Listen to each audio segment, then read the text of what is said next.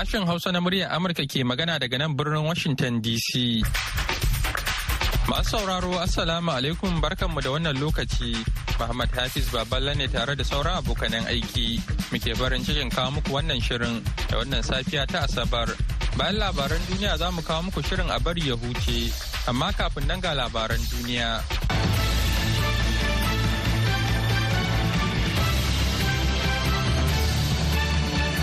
Assalamu alaikum da fatan an wayi gari lafiya.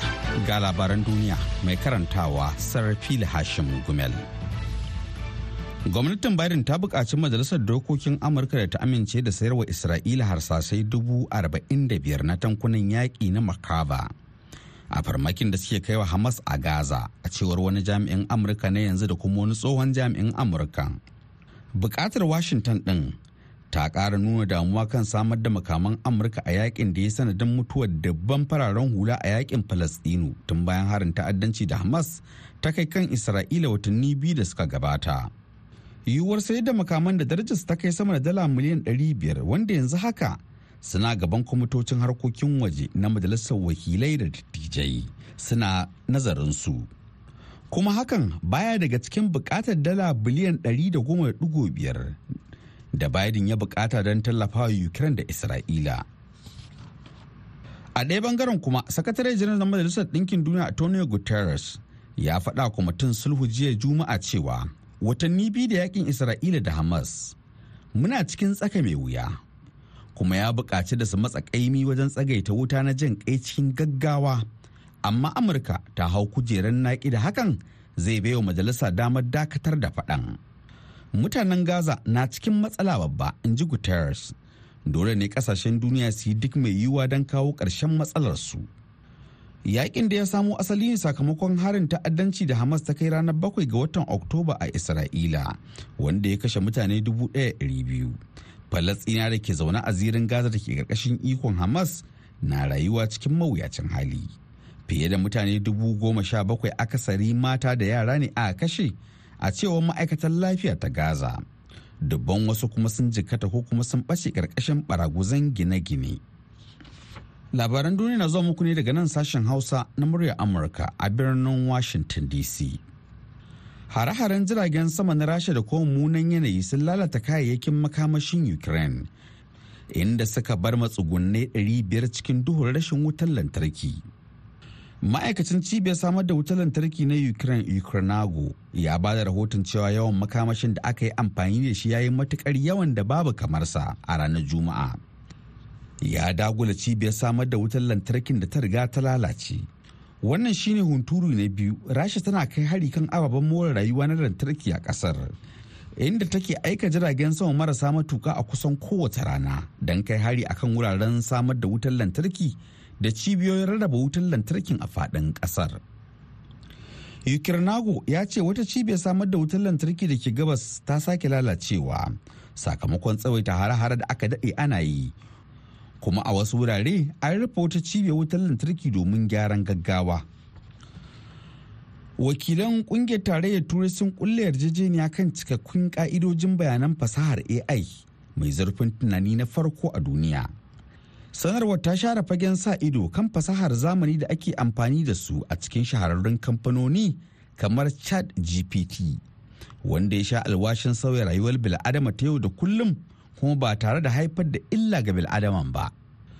Wakilan daga majalisar tarayyar turai na ƙasashe mambobin ƙungiyar 27 sun shawo kan manyan bambance-bambance a kan batun da suka hada da fasahar ai da kuma amfani da ita da 'yan sanda suke wajen tantance fuskar masu laifi. Wannan ya ba su damar sanya hannu kan wata yarjejeniya ta siyasa don dokar leƙen asiri ta artificial intelligence. Har yanzu dokar tana buƙatar amincewa ta ƙarshe kuma ba za ta fara aiki ba har sai shekara ta 2025.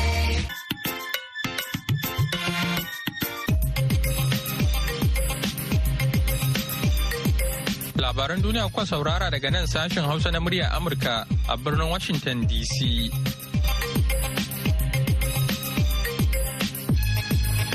Yanzu kuma sai a gyara zama domin jin shirinmu na gaba.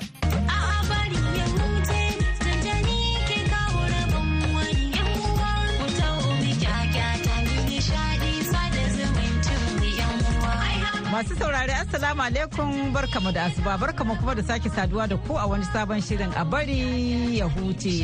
Wanda masu iya magana kan ce shi ke kawo da rabon wani.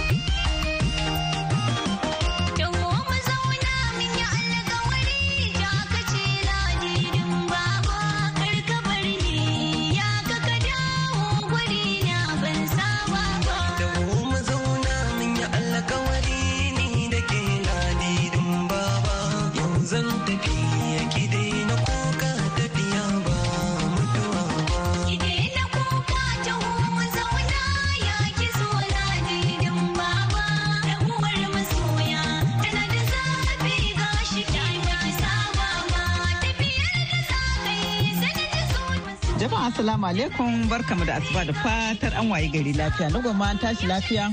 Lafiya kalau alheri ya wurin naku. Lafiya limil yau asabar asabar ta hudun ƙarshe a shekara ta 2023 da ikon Allah mun ga wannan rana. Gaskiya fa. A kwana a tashi har a shekara ta ƙari baba. Malam sauran 'yan kwanaki kalilan. Shi ke da san lissafin shekaru ya koma 2024 ai shi ne to kamar da muka fara muka fara tallatawa za mu so mu naɗi muryoyin masu saurare su bayyana mana a su su mika gaisuwar ƙarshen shekara kuma da bayyana shirin da ya fi burge su labarin da muka bayar da ya fi ɗaukar hankalinsu mm. a wannan shekara mai kare wato idan allah ya nuna mana zuwa mako mai zuwa ko nan gaba idan muka a ƙara har haɗawa za mu fara gabatarwa. Makon da ya gabata kuma muka ce za mu ɗanɗana musu ko kuma za mu kawo musu kaɗan daga cikin abin da ya wakana a eh, birnin bonto har yanzu dai muna yawwa to muna nan muna jiran ramatu a mm. taimana bayani. To kamar yadda muka saba baba za mu buɗe wannan jangon da miƙa gaisuwar fata alheri da ka san wannan makon yau ma mm. kamar waɗansu watanni da suka shige ana yin shekara ta zo ƙarshe ban san dai na gane ba amma a mm. najeriya shekarar ƙarshe kaga watan disamba nan watan auren da ke kamar a ce yawwa kamar a ce mutane suna so su shekara da amare a eh, gida ko? yawwa to bari mu buɗe babin da mika gaisuwar fata alheri da taya murna ga ambassador dr. Samuel and mrs mavis jimba da kuma mr victor and mrs laurita ogoji domin a ɗauran auren 'ya'yansu neoma promise da kuma gwatana david wanda za a yi a yau ɗin nan tara ga watan Disamba a Chapel of Redemption College of Education a Kwanga makarantar horar da malamai ta Akwanga da ke jihar Nasarawa da ƙarfe goma na safe. Kana kuma za a yi walima a Suleiman Jakonda Memorial Hall. Rishama Comprehensive College a Akwanga to na hakikanta cewa waɗanda suke jihar Nasarawa sun waɗannan wurare. Muna taya dr. Samuel da mai ɗakinsa mavis jimba murna da kuma fatar allah ba da zaman lafiya da albarkar zaman tare. Sai kuma taya murna ga iyalan asp mani a gidan dan birni nasarawa malumfashi da kuma joshua auta nasarawa malumfashi waɗanda za a ɗaura auren 'ya'yansu nura ayuba da kuma asma'u joshua auta. Su kuma za a yi auren ne a sati mai zuwa a second a majami'a second ekuwa da ke malumfashi da ƙarfe goma na safe. To har yanzu baba bari mu leƙa jos jihar plateau inda nan kuma a iyalan alhaji idris bello dan azumi da alhaji muhammad suleiman liman da kuma na marigayi sharif idris abdullahi baba zulaika. Za a daura auren 'ya'yansu usman muhammad suleiman da amaryarsa safiya idris bello dan azumi sai kuma aliyu idris haidar da amaryarsa habiba idris bello dan azumi. To za a wannan auren ne shi ma ranar goma sha shida ga wannan wata a masallacin 'yan taya jos bayan sallar juma'a. To Allah ba da zaman lafiya da haƙurin zaman tare Allah ya sa an yi adace. Amin summa amin. To ni kuma bari na faro da mika wannan saƙon gaisuwar taya murna zuwa ga iyalan babban limamin Kano Muhammad Zaharuddin da na Muhammad Kuro na daurin auren 'ya'yansu Iman Nasir Zaharuddin da angonta Abdullahi Kuro wanda za a daura a ranar Asabar 16 ga wannan watan Disamba. Wato asabar mako bai zuwa kenan da misalin ƙarfe ɗaya na rana a masallacin alfurkan alu avenue kan hanyar ahmadu bello a kano. Akwai kuma liyafa da aka shirya da za a gudanar a raisins restaurant. A nine audu way nasarawa kano bayan ɗaurin auren kenan. To gaisuwa ta musamman zuwa ga baban amarya malam nasir zaradin tsohon shugaban ƙungiyar 'yan jarida na najeriya. Ya ce a taya ma'aurata da addu'o'i. To allah ba da zaman lafiya ya ba da kuma zara'a ɗayi ba ya ba da haƙurin zaman tare.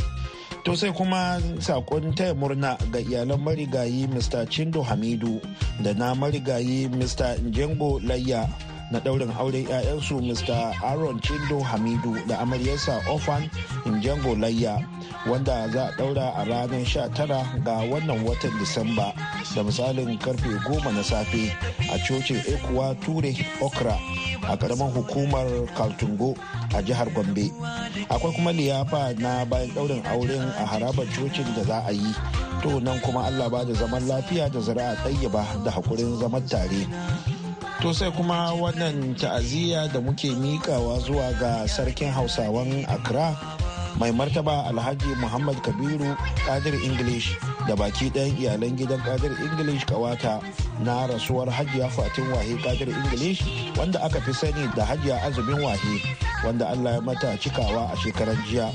Allah ji kanta da rahama kana ba dangi haƙuri na wannan rashi musamman saddauna Ali Kadir English wadda mahaifiyarsa kenan kuma kakar sarkin samari Alhaji Salisu Maude da Alhaji Sanusi Ali Ahmed wazirin sarkin Hausawan Accra to Allah karawa dangi baki ɗaya haƙuri na wannan rashi. To amin baba.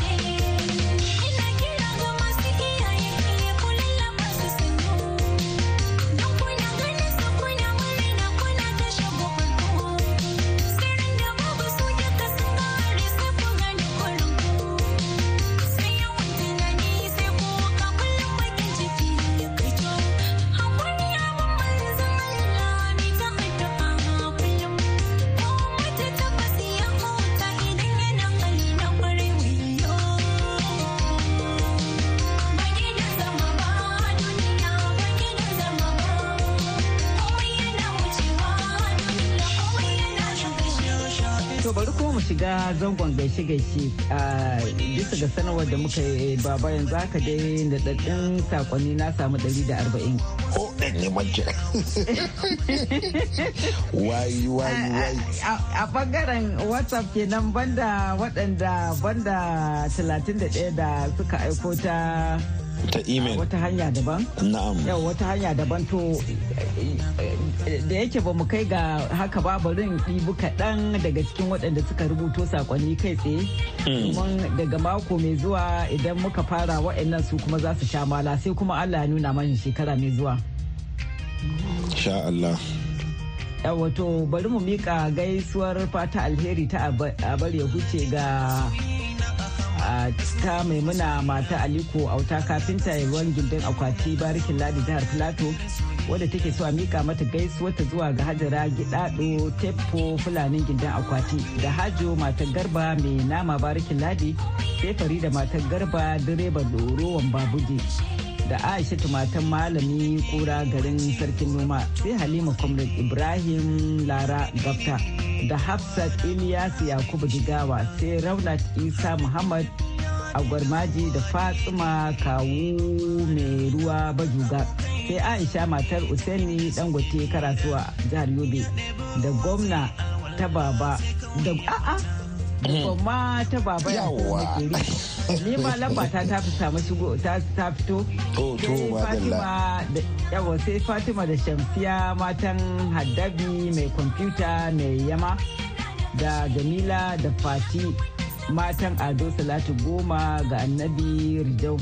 sai Sani mai lange-lange ya wuri da iyalansa. To to sai in ce da matar Sani mai lange-lange ya wuri ko ma menene sunanta? Mm. da kuma matar lawal bin hambani mk dan silba sokoto. Ba ita ta ce matansu ba amma tun da na mata ake su ma bari a ce matansu su ba a ɗaga musu kafa gaskiya. Wannan garan.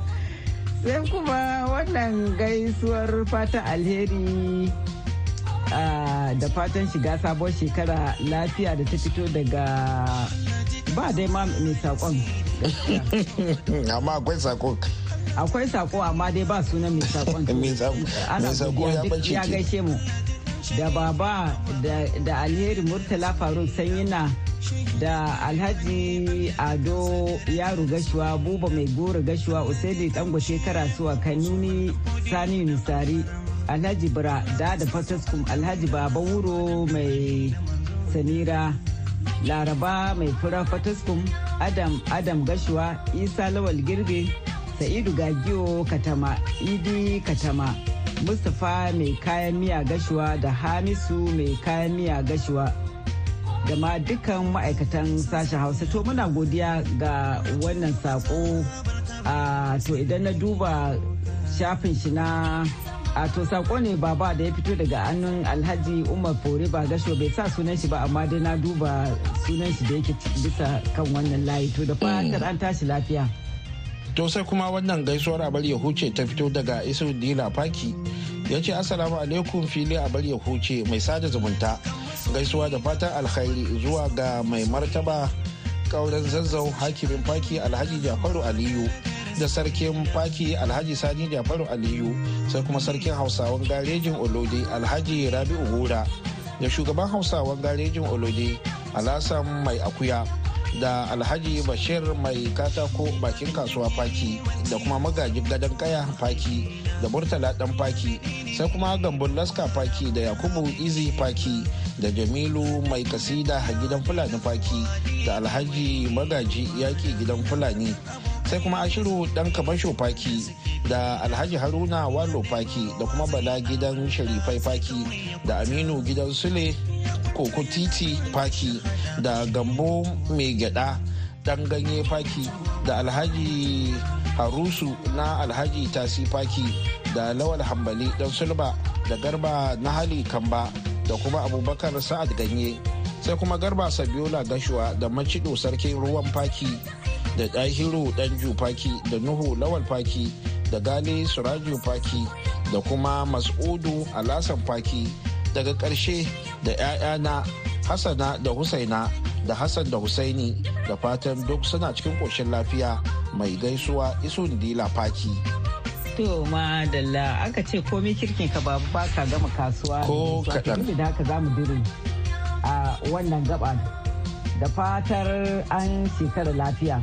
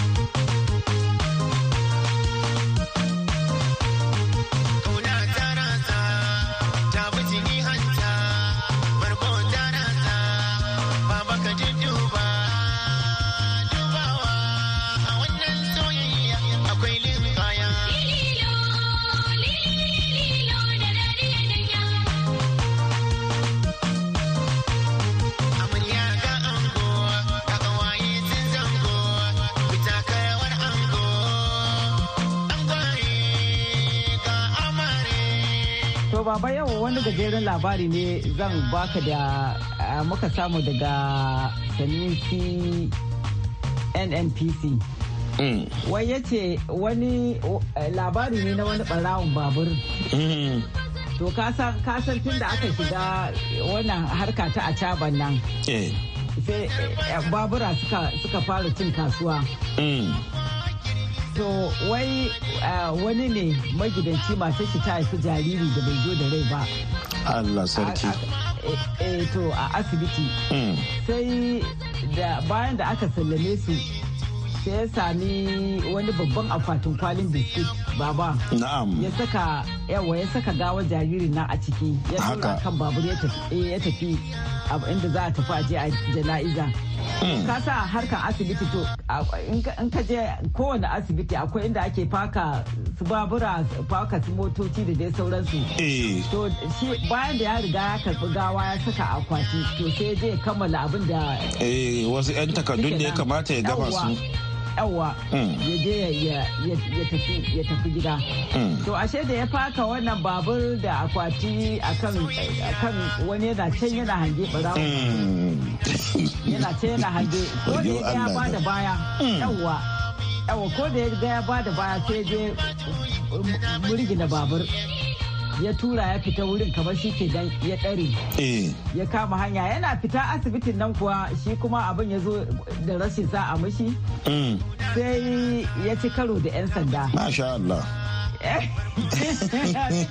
karo da 'yan sanda eh. ko da aiki suke ko neman nan goro suke dai ungo a kan hanya sai suka tare shi suka ce a irin musu tambayoyi eh. Idan ka fito ina za ka da dai sauran eh me ka ɗauko barawo ne ka dan wato ka san mm. abin nan aka ce wai mara gaskiya mm-hmm. abin da sai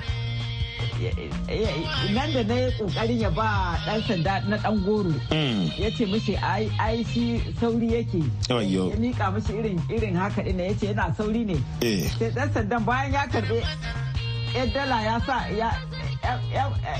ya sa aljihu. Ya sa aljihu. Mm. to ya ga ya ga kwalin biskit mm. sai ya ce mashi a'a sai ya ce mashi to kai malam a dan sama da biskit eh ko dan biyu ne. Ya riƙe musu irin irin dan eh, eh, baya ɗin nan. Da har ya zai ya zai shige. Babur zai tashi sai ya kama da ya ga kwalin biskit hankalin dan sanda kuma sai koma kan kwalin biskit. Eh. da biskit din muna kai ba a dan san mana. Mm. dan an rufe shi da kyau kamar biskit. biskit din ne a cikin mm. to shi ke nan barawo shi tun da bai sa abin da ke ciki eh shi ma aikin ya ɗauki matsayin biskit ne. Yawwa ko da ya buɗe akwati baba sai ga gawar jariri a kwadi la ha'ila ha'illallah ya kalli akwati ya kalli dan sanda. Ya kalli dan sanda ga eh. babur sai ce sai kawai sai shi dan sandan ma bai riga ya ga abin da ke ciki ba. Sai ce mashi wallahi tallahi ranka daɗe ni ba barawon yaro ba ne barawon babur ne. Wallahi ina ta muka ni ba barawon yaro ba ne barawon babur ne. ga ɗan sanda a zo duba abin da ke ciki. Shi ya riga ya riga tashi ta kare tun da dai bayan da za a trend. Babu yadda za a ce shi bai san abin da ke cikin ba wannan ake ce ma fine case. Daga yau ya ma sace sata babur. Wayo Allah. In ya riga ya samu kanshi. Abin tausayi abin dariya la ilaha illallah. an ce ya sata abin da aka aje ma kila daga nan ya tuba. Wallahi fa ya tuba. Kada ya ɗauko babban rigima. Gobe ba. Ya kara da ga malama juli na daga mana hannu kamar da muka ce zuwa mako mai zuwa idan muka sake tattarawa za mu fara da waɗannan saƙonni da suka su faɗi da kanka. A gaisuwa daga bakin mai ita ba Allah yawwa ubangiji ya nuna mana zuwa ƙarshen shekara kana kuma mu buɗe sabuwar shekarar da haka. Idan muka yi makonni biyu da labaran da suka ɗauki hankali zuwa ƙarshen shekara makonni biyu na farko kuma gaisuwar sabuwar shekara to sai ubangiji allah ya nuna mana yanzu a madadin. Baba ya kuma makeri. Alheri ke muku fata alheri da kuma fata allah ba mu lafiya da zaman lafiya da abin da lafiya za ta ci da alheri.